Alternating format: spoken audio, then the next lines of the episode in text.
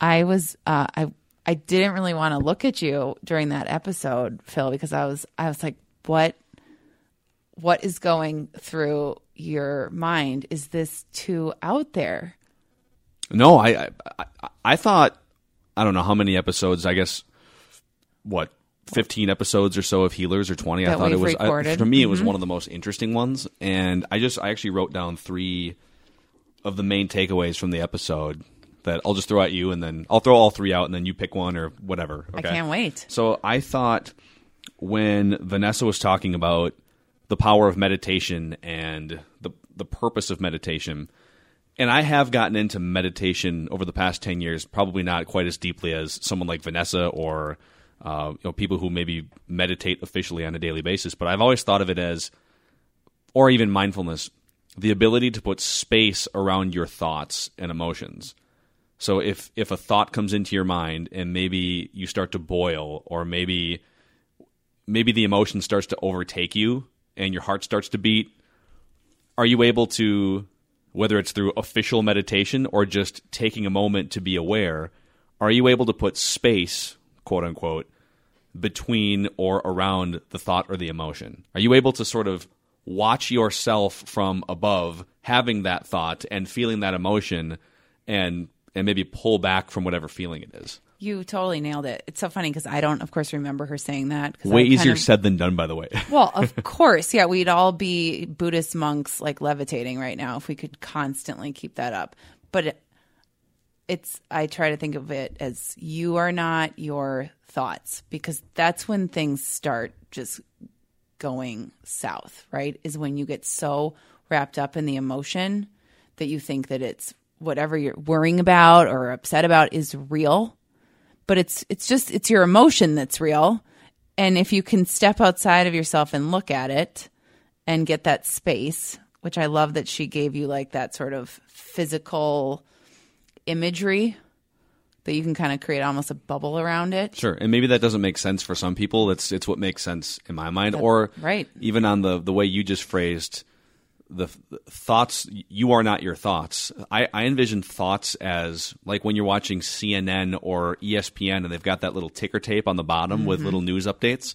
Well, those are your thoughts. Mm-hmm. That's right. Those those thoughts are just scrolling by, and you can choose to engage with those thoughts if you want to, but you have to have some mechanism or some self awareness method to to to flip it around that way in your head if you're not already. Right. And that's where the meditation comes in because the meditation allows you to get still and quiet enough to notice that you, you, Phil, your higher self, your consciousness can, the fact that you can even watch your thoughts means you can, you can separate from them.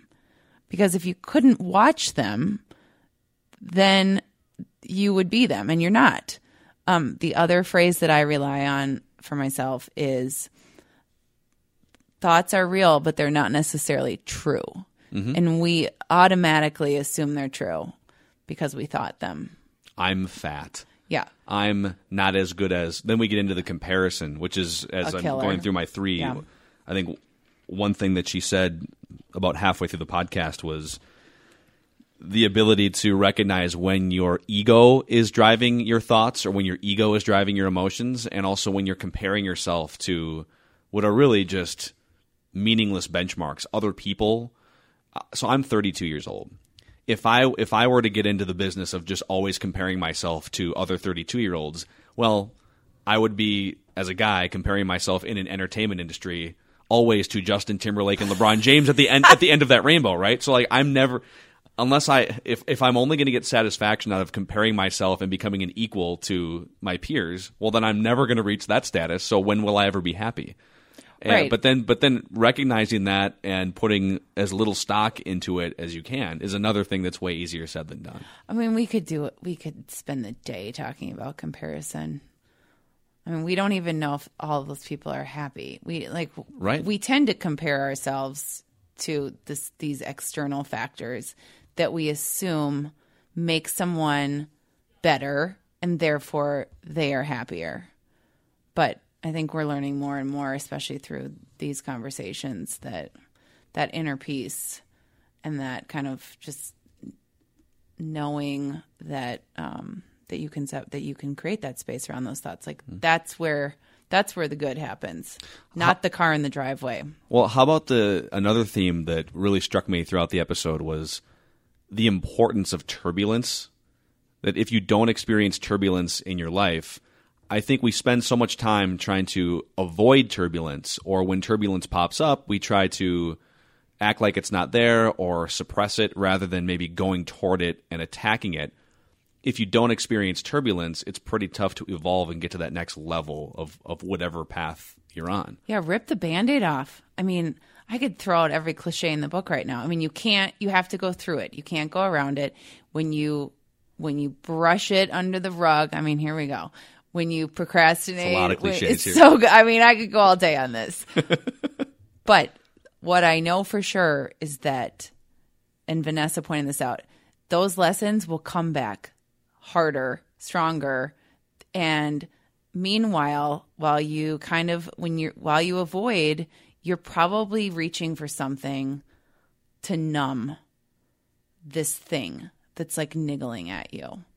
So it's going to come out on the side somewhere until you face it. It's going to come out through depression, addiction, not fulfilling your, you know, whatever your potential in your career, your relationships will suffer. Like, and those are, of course, extreme cases, but even small things. I mean, piles on your desk, like because you're just avoiding like that you need to get organized, and then they'll start making you feel sad. I mean, Dishes in the di- dishes in the, sink. dish. I mean, it, it's Now we're getting into the tie. We should have, we should have the uh, we should, we need a tidy up person to we've had that uh, season one, episode ten. But um, yeah, the turbulence. I don't know. It's I don't. I wouldn't say I'm to the point where I like welcome it. I still get anxious when I feel like oh, there's a storm brewing here. But I also get excited because even being aware of it means that there is growth on the other side and that ultimately once I go through it I'm going to feel better and I'm going to like be able to kind of put something behind me. Mm-hmm. And but the truth is we're never done. I mean, we're never done with these lessons. You just keep what is it what is it? You just keep getting better. I don't know. That's oh, cliche God. number nine Oh my god.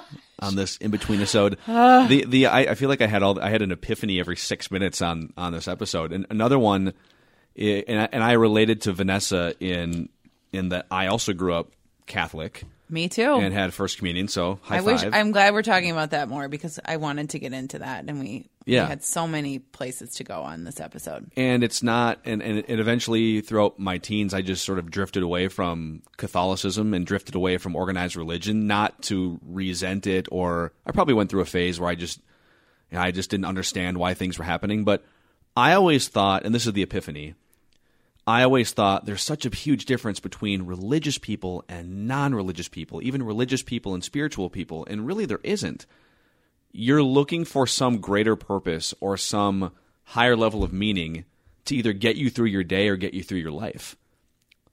Those are the common threads, whether you are practicing religion uh, traditionally or whether you are more into connecting with people and connecting with your inner core and meditation and spirituality. They're very close cousins that we look at maybe in our society as religion or not it's black and white, religious or not religious, atheism, agnostic. We we attach all these labels to it. If you're just trying to live a fulfilled life and be nice to people and have some greater purpose to get you through your day and your week and your life, what's what what does the mechanism matter? What does the vehicle matter? It it doesn't matter until we start judging each other Yes. for the vehicle that we've chosen. And um I chose to I didn't I like Vanessa, I didn't I had too many questions when I was a Catholic and I and I didn't the institution didn't sit well with me. I kind of just needed to be free. And I don't think that and I kind of wandered around for years because I really wanted that purpose that you're talking about. And I wanted I missed the faith that came with with going to church every week and being a part of that community. And i re i found my faith again when i started thinking of god as the universe as spirit as as energy as like the thing that ties us all together. Um, that made more sense for me than a man-made institution did. Um, so as long as as long as it's a positive thing and it and it's you know means compassion for yourself and compassion for others, then it doesn't matter what you call it. I do miss the wine and communion bread sometimes, though. Gotta be I honest. think you were doing it wrong then. Were you like double dipping your Eucharist? Like, you get the you get the one sip of wine, and then the priest sort of takes it away, but you're still You're pulling still up. holding on to more. the chalice. Oh my god. On that note.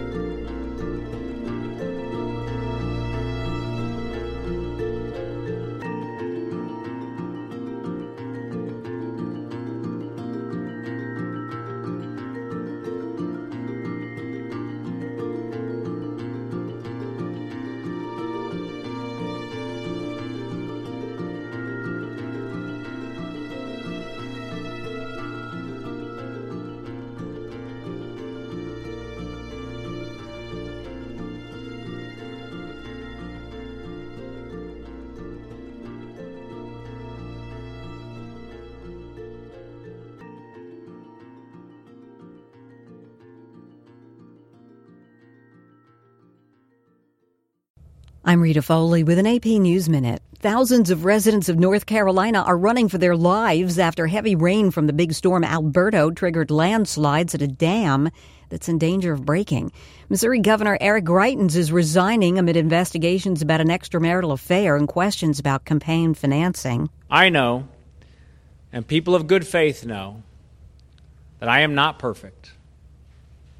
But I have not broken any laws nor committed any offense worthy of this treatment. Roseanne Barr is apologizing to those who lost their jobs now that her TV show's been canceled after she tweeted a racist comment about an advisor to former President Obama, Valerie Jarrett. First of all, I think we have to turn it into a teaching moment. I'm fine. That's Valerie Jarrett speaking there. Wall Street expected to open higher after a tough day yesterday. The Dow lost 391 points to close at 24,361. I'm Rita Foley.